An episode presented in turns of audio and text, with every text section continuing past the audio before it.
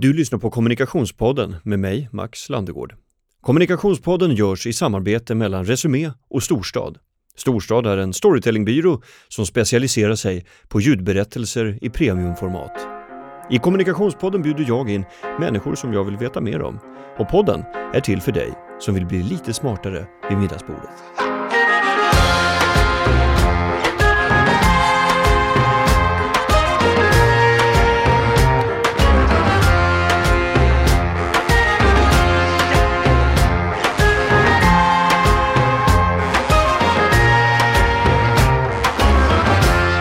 Hur är det att vara ledarskribent?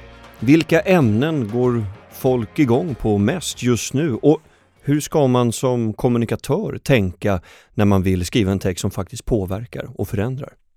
Det ska vi prata om idag eh, och jag säger varmt välkommen till studion Lydia Wåhlsten som är ledarskribent på Svenska Dagbladet. Tack så mycket. Vi eh, sitter och pratar om någonting annat än det du är inbjuden till i vanlig ordning i Kommunikationspodden. Halva programmet handlar alltid om någonting helt annat. Eh, vi pratade om eh, en nordkoreansk familj som du har haft anledning att bekanta dig med. Precis, det är det som jag håller på att arbeta på just nu. Det Ja. var en, en familj från Nordkorea som kom till Sverige för 12 år sedan. Bor i Småland men eh, nu har de blivit utvisade. Eh, och de har blivit utvisade för att de inte kan styrka sin identitet. För att Migrationsverket kräver ett pass för att man ska kunna få arbetstillstånd. Ja. Problemet med Nordkorea är ju att de har ju inte pass. Nej, av lätt insedda anledningar. Ja, för Ja. det finns ju ingen anledning, vart ska du åka någonstans? Precis. Liksom. Mm. Eh, utan man har ID-kort och de är handskrivna och de här ID-korten växlar ganska ofta. Mm. Eh, så det är väldigt svårt att eh, Men finns det, inga det. för, finns det inga förmildrande omständigheter när man kommer från just Nordkorea? Eller? Precis, det är det man eh, tänker att det ska göra. Och när Ja. du utvisas så utvisas du till Sydkorea. Så det är alltid Sydkorea som tar emot nordkoreaner. För du kan ju inte utvisas till en plats där du kan bli utsatt för tortyr och sådär. Mm. Så det är det ärendet gäller. Men de har ju de har tre barn i Sverige, de är väldigt rotade här, har fast anställning och så vidare. Mm. Så det jag håller på att titta på nu det är om Migrationsverket har gjort rätt som har nekat mannen i familjen all arbetstillstånd. Jag önskar att jag hade kunnat eh, ge några vägledande svar. Jag brukade ju faktiskt arbeta förut för eh, Migrationsverket. Jag var presskommunikatör där. Jag kommer ihåg eh, att jag träffade Ingvar Carlsson, vår tidigare statsminister, eh, i samband med någon slags eh, nätverksträff på i Almedalen, eller mingel kanske man kan säga att det var. Så står vi i en grupp eh, och presenterar oss för varandra. Och eh, så frågar Ingvar Carlsson vad jag jobbar med. Och då säger jag, det här är för övrigt under hösten 2015. nej, hösten 2014. Och då, då sa jag, nej men jag jobbar på Migrationsverket. Då har, lägger han händerna i sidorna, bugar djupt och säger gratulerar.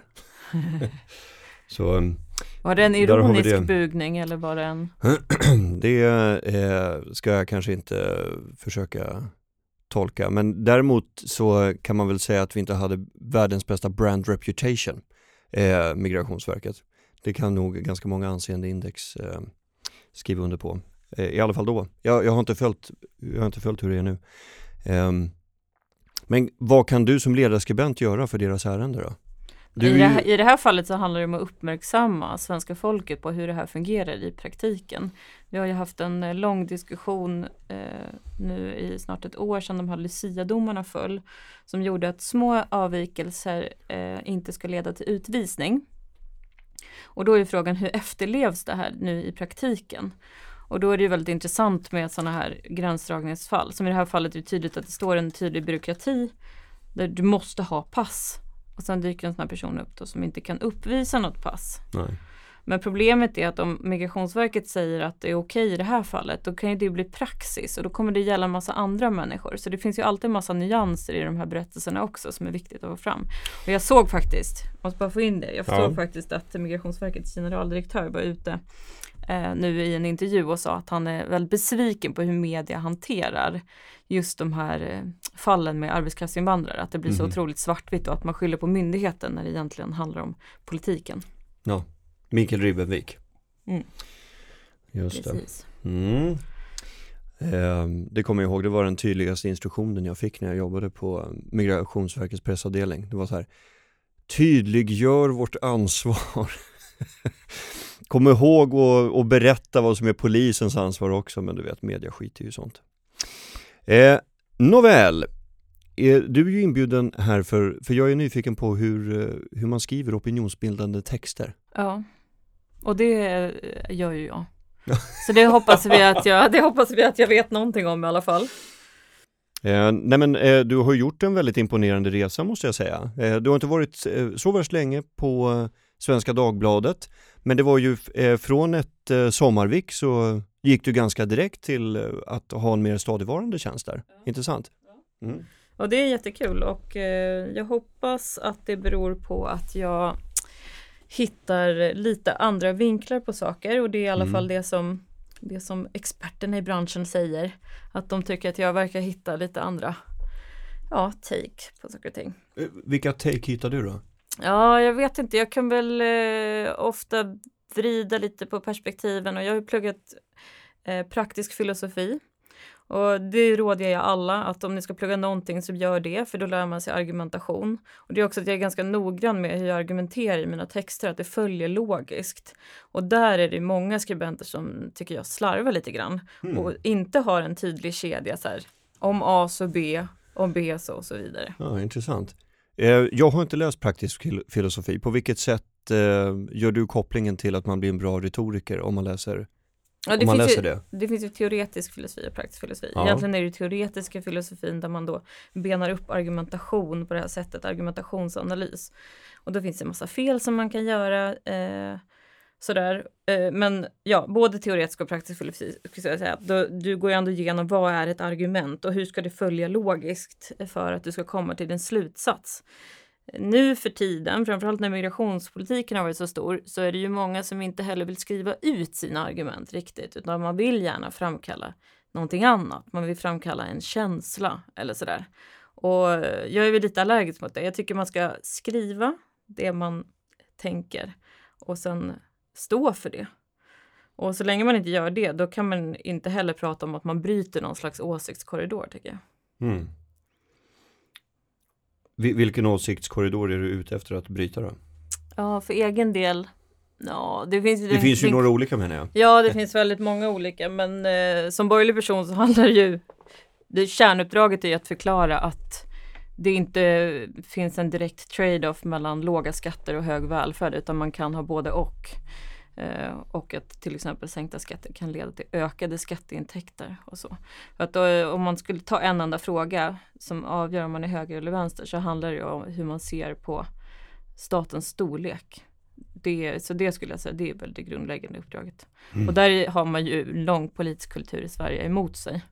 Eftersom att vi har ett parti som har styrt eh, väldigt länge och eh, på olika sätt liksom satt bilden av vad av eh, hur väl, vad välfärd är för någonting. Mm. Innan du klev ombord eh, på Svenska Dagbladets ledarredaktion så var du, om jag inte har missat något skutt däremellan, eh, kommunikationschef för Timbro. Mm.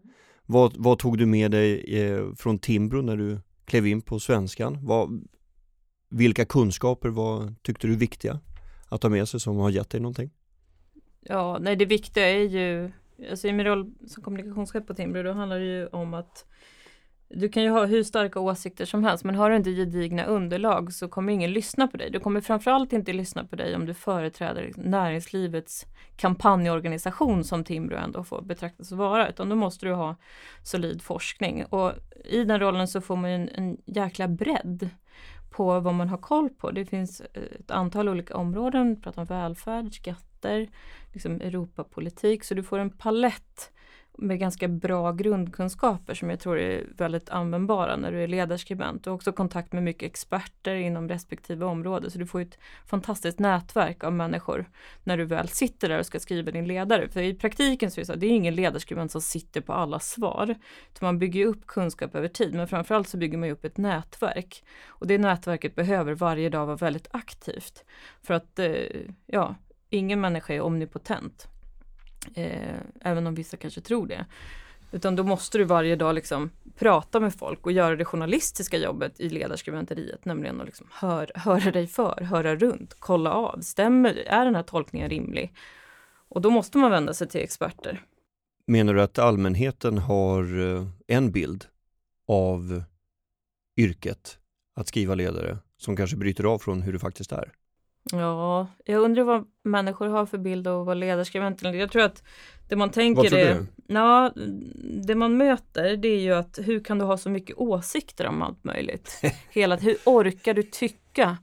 Och så där kan man känna, framförallt efter den här regeringsbildningsprocessen, att det har ju kostat på tålamodet. Hur kan man Mm. skriva ytterligare en artikel från Svenska Dagbladets ledarsida om att Centerpartiet och Liberalerna har svikit alliansen. Eh, och det i grund och botten handlar om att du måste ju ha en ganska stark liksom, moralisk övertygelse. Och det är ju den som leder fram till alla de här texterna. Det är ju inte så att varje text föder sig själv. Um, så, men det jag tror det är att människor uh, tror att man är mycket mer uh, aggressiv eller mycket mer liksom, vad ska man säga? Man gillar att polarisera mer än vad man egentligen gör. Utan det är liksom hantverket som sådant. Om vi tar en person som är väldigt framgångsrik opinionsbildare som till exempel min kollega då, Ivar Arpi som jag vikarierar för. Han är ju en otroligt resonerande och timid person privat eller så på jobbet. Men när han skriver så blir det väldigt tydligt så att formen driver ju fram också den här det är ju så att säga i formen att den här konflikten Mm. Formen föder ska en finnas. viss personlighet också. Absolut, Ja. det tror jag. Men eh, bara för att eh, addera en bild till det som du inledde ditt svar med så eh, en liten teori från avbytarbänken här är väl att eh, vi lever i en tid där folk måste ha en åsikt om precis allting. Ja, Tycker du inte det? ja Alltså det, att- Det är inte bara är ledarskribenter till, till skillnad från hur det var för några år sedan. Absolut, Att och då, då, det ställer ju ett nytt krav på ledarskribenter. Och en sån trend, jag tycker man kan se två trender. Den ena trenden det är att ledarskribenter blivit lite som politiker. Man vill gärna inte använda sig av för mycket fakta, för det ökar risken för att någonting är fel. Och man vill ha så brett uppfång som möjligt. Och därför ser vi massor nu med linjeartiklar som handlar om så här, den svenska skolan måste bli bättre. Och man säger saker som att elever måste bli lära sig mer i skolan. Och då undrar man ju, vem är emot det här? Svensk migrationspolitik måste fungera. Det är en massa Mm. liksom ganska vaga krav. Ja. Så, och det tycker jag är verkligen en sån eh, trend nu. Som jag tycker är ganska olycklig. För att ledarskribentens jobb är att granska politiken. Att avromantisera politiken. Att liksom se de här att de här stora fina orden i regeringsförklaringen kanske i praktiken betyder någonting annat. Och då eh, vill jag i alla fall inte se ledarskribenter som har den här eh, ja, ganska pompösa retoriken och Mm. inte fyller upp det med rejäl sakpolitik. Är det det du menar att eh, rollen har ändrats? Eller? Att, eh, de, Ja, att precis. tolkningen av uppdraget eh, är annorlunda idag än vad det har Ja, varit du förut? vill ju ha så, så brett uppfång som möjligt. Så. Mm. Och tidigare hade vi en partipress och då hade ju du mycket tydligare liksom, ett partipolitiskt uppdrag. Och nu har vi inte det, utan nu handlar det ju om att locka läsare. Eh, Och då får man en, en sån bredd. Vilka ämnen går folk igång på mest för tillfället? Vad skulle du säga? Jag skulle säga att folk eh, bryr sig om miljöfrågor jättemycket. Det är ett oerhört engagemang i miljöfrågor och väldigt stora känslor. Och det ser man ju också om man bara kollar på sociala medier, vad är det som delas. Senast idag när vi spelar in den här podden så är det en debattartikel på, jag tror att det är Aftonbladet va? Där 81 influencers har skrivit att Det, de, det är faktiskt Expressen, det är förlåt. Expressen. Expressen, Expressen, Debatt. förlåt mig. Ja, Kan ta det från början. Ja. Ja, just det. Ja, till exempel idag så har vi ju en artikel i Expressen där ett antal influencers har skrivit att de tycker att vi ska ha lite hårdare tag, att Stefan Löfven ska eh, uppfostra människor i högre utsträckning för att de ska bete sig miljövänligt. Och jag tror att jag inte bara talar för min, mitt Facebookflöde, men den här artikeln har ju delats väldigt mycket och liksom diskuterats åt olika håll. Så Ja. miljö skulle jag absolut säga. Tidigare har ju varit migration. Jag tycker väl att eh, man ser lite grann avtagande intresse för den frågan. Mm. Eh, Bara för att eh, plocka upp det där som du var inne på nu Lydia så ska jag bara citera en del av den här debattartikeln för då, då säger de citat Tyvärr är vi svenskar som nation av Tyvärr är vi svenskar som en nation av tonåringar utan konsekvensanalys. Släpp taget om väljarstödet Löfven. Våga vara obekväm och kör över oss och våra klimatkatastrofala vanor med en statlig hockeytackling. Vi står bakom dig, skriver 87 influencers. Nu, nu har vi ju inte resten av befolkningen i landet fått uttala sig i samma fråga, men det får ju stå för dem. Vad är, för att veta vad du står i frågan Lydia, vad, vad tycker du? Om? Jag tycker det är oerhört fånigt, framförallt för att de föreslår saker som skulle ha negativ miljöpåverkan. Så att den här Eh, galna retoriken följs upp av åtgärder som skulle ha motsatt effekt från det de vill, nämligen att vi har ett mer miljövänligt Sverige. De skriver att vi ska förbjuda vanlig potatis och bara tillåta ekologisk potatis. Och då har det kommit ett antal studier eh, som handlar om att ekologisk mat den kan man tycka är bra på olika sätt, men den är inte bra i koldioxidperspektiv för att det kräver mycket större odlingsytor än vad vanlig potatis betyder. Så det, jag, jag tycker är... att det var lite fånigt och jag blev också förvånad över ett antal namn där på listan som Eva Röse till exempel. Men Eva Röse, har du läst det här du har skrivit under på? Har alla de här människorna verkligen gått med på de här skrivelserna? Ja, nu är ju inte Eva Röse här för att eh, svara på det, men eh, jag, jag tänker bara så här, just klimatfrågan, nu, nu ska vi inte grotta ner oss eh, alldeles för mycket i den, men det känns ju som att eh, där används ju eh, vetenskap och statistik eh, på det sättet som, som behagar den som ger sig in i debatten på något sätt. Jag står mitt emellan och, och vet vare sig ut eller in. Jag tänkte först att en elbil kanske skulle vara ett bra alternativ och sen så läser man uppgifter om att ämnet i framtagandet av de här batterierna belastar miljön så pass att eh, elbil, det ska du verkligen inte tänka på. Och sen så läser man om det här att man ska ha köpförbud på, på en viss typ av bilar från och med 2030. Men samtidigt så innebär det hemska konsekvenser för miljön enligt eh, vissa miljöorganisationer. Så, ja. Ehm, Vad känner du då? då? Jag, jag känner, ja, eh, man känner ju både en ökad nyfikenhet att få reda på mer och samtidigt så vill man krypa ner under sängen och dra täcket över huvudet.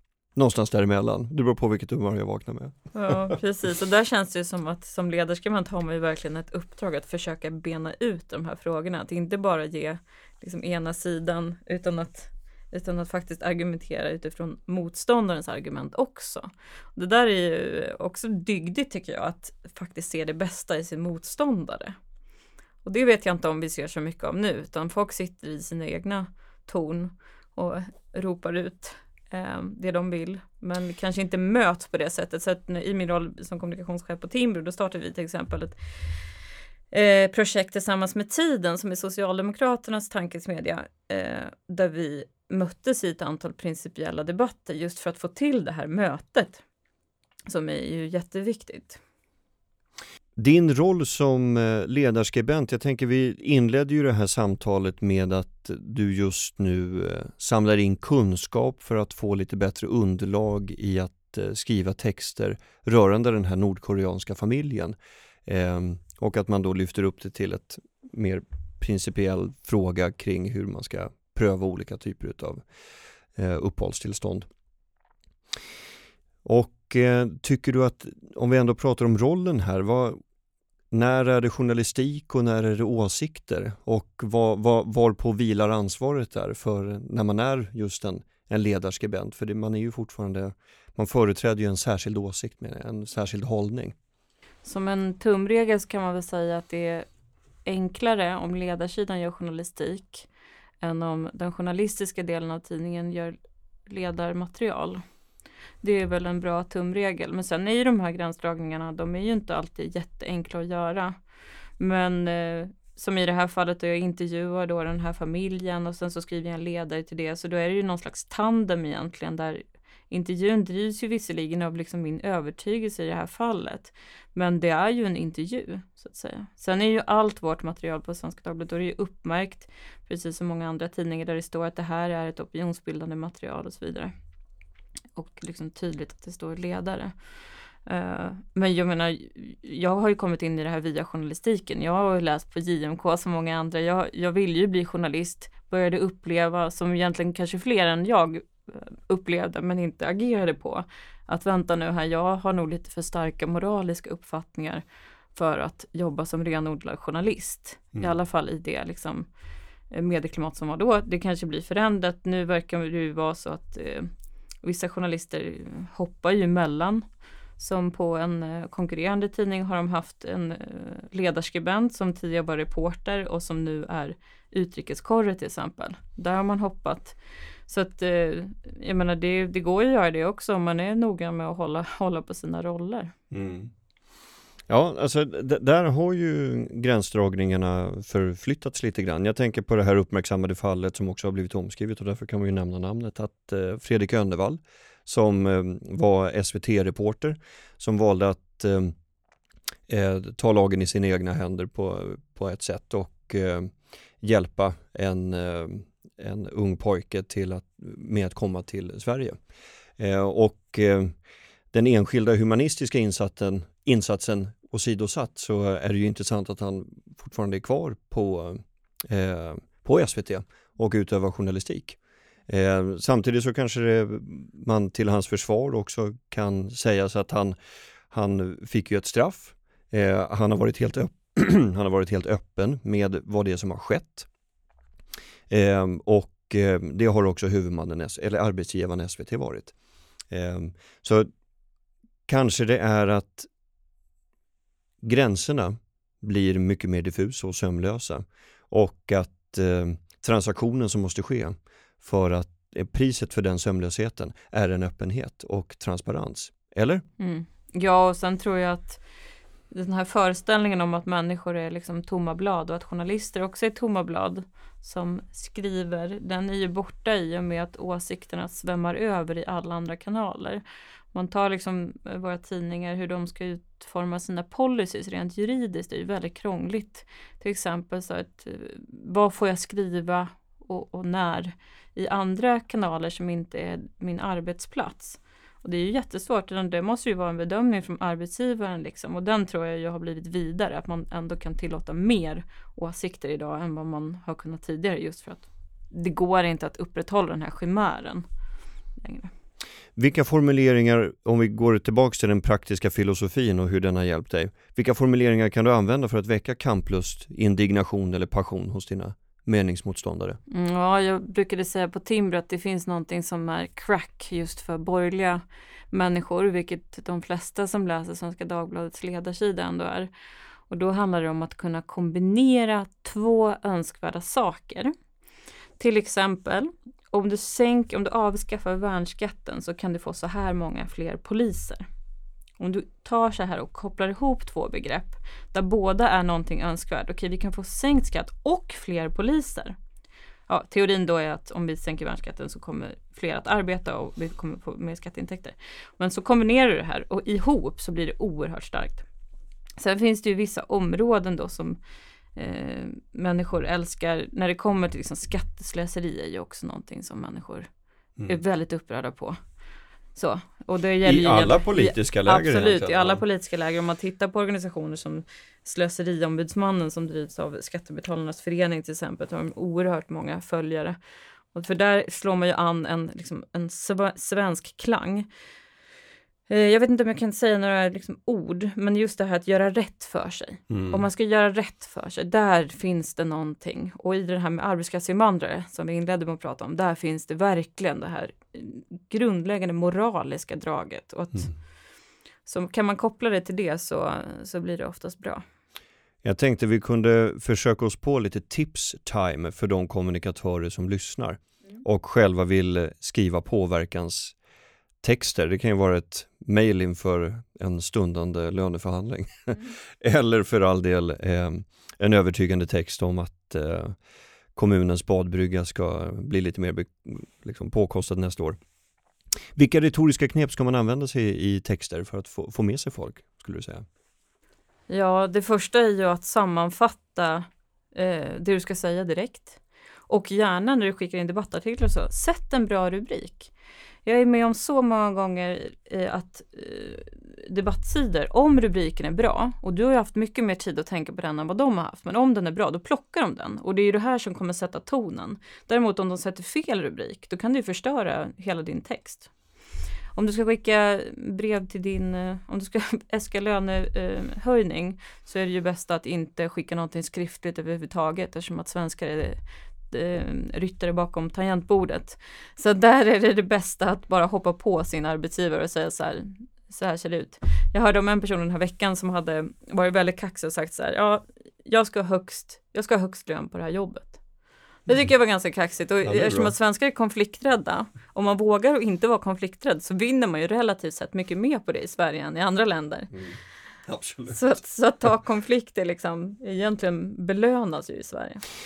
Men om man vill eh, driva opinion, skriva en debattartikel själv eller kanske svara på en insändare eller motsvarande. En slagkraftig rubrik alltså, mm. eller? att du sätter rubriken. Många mm. har fått för sig att man inte ska skriva rubriken för det vill journalisterna göra själv tror man. Mm. Det där är jättefel. Mm. Och sen det andra är att alltid skriva alla texter helt öppet och skicka runt den här länken till folk som du vet kan skriva bra på riktigt. Men jag jobbar ju professionellt med språk, men jag känner ju några personer som är mycket vassare än mig på att formulera sig. Och så ser de min text och ger feedback. Och nu har vi ju tekniska hjälpmedel. Vi har Google Docs och de här sakerna, så utnyttja det. Mm. Även när det gäller mejl och sånt som är jätteviktigt om man skickar till sin chef och känner sig lite obekväm. Ja. Varför skriver du själv ledartexter? För att jag tror att jag kan övertyga människor och att mina moraliska värderingar skulle leda till ett bättre Sverige. Har du sett, har du sett någon effekt av det? Än Absolut. så länge? Ja, eh, jag har några sådana här grejer där jag tycker att jag har gjort skillnad som man alltid kan hänvisa tillbaka till. Men det är många år sedan nu, men jag tror att det var 2008 om jag mm. inte minns fel, så skrev jag en rapport för Timbro. På den tiden så var jag student. Som hette Vad rättvisemärkt inte berättar. På den här tiden så var ju organisationen Rättvisemärkt i princip enhetligt hyllad i Sverige. Och det jag sa då var att det här, de har ju ett slags fastprissystem. Det inte leder till bättre villkor för bönder.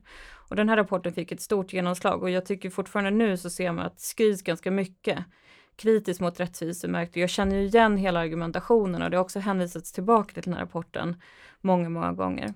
Eh, och sen ett annat sådant exempel, jag tycker det blir konkret skillnad. Det var också i, i eh, ett arbetskraftsinvandringsfall faktiskt, där jag drev en kampanj för Timbro när vi samlade in nästan 150 000 kronor för en familj i Uppsala. Där mannen jobbade som urmakare men hade tjänat 180 kronor för lite någon månad sådär och det hade lett till utvisning. Och då blev det folkstorm kring det här och det slutade med faktiskt att familjen fick stanna i Sverige. Det var inte bara tack vare oss skulle jag säga, men det var tydligt att vi fick upp ett så pass stort intresse för frågan och det här med kompetensutvisningar, det började bli ett etablerat spår.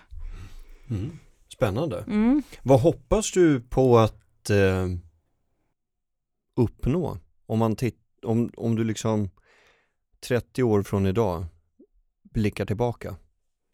Ja, nej, men det har hittat flera av sådana här konkreta policyområden som idag är väldigt känsliga att diskutera. Jag tycker miljöfrågan, där tycker jag mig se nu en viss brytpunkt. Där har ju tyngdpunkten hela tiden legat på Miljöpartiet som jag då tycker det är jättebra att de är starka i miljöfrågor, men de har oftast policy som inte leder till de resultat som de vill ha. Men nu ökar ju Moderaterna kraftigt och vi hade en valrörelse som handlade om effektivitet i klimatpolitiken. Så det är en sån sak som jag hoppas, kanske inte 30 år framåt, men de kommande åren tror jag att det kommer ske en, en mycket jämnare debatt i miljöfrågan.